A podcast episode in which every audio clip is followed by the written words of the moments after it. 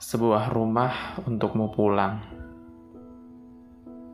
Besok, kau akan menemukan satu rumah yang paling tepat untukmu berpulang.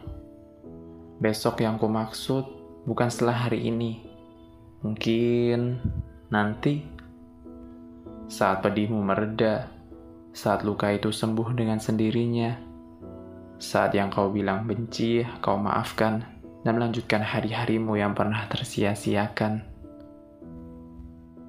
Besok, rumah itu akan kau buka setiap hari. Tidak ada lagi alasan untuk malas bangun pagi. Tidak ada lagi malas untuk ke mana-mana.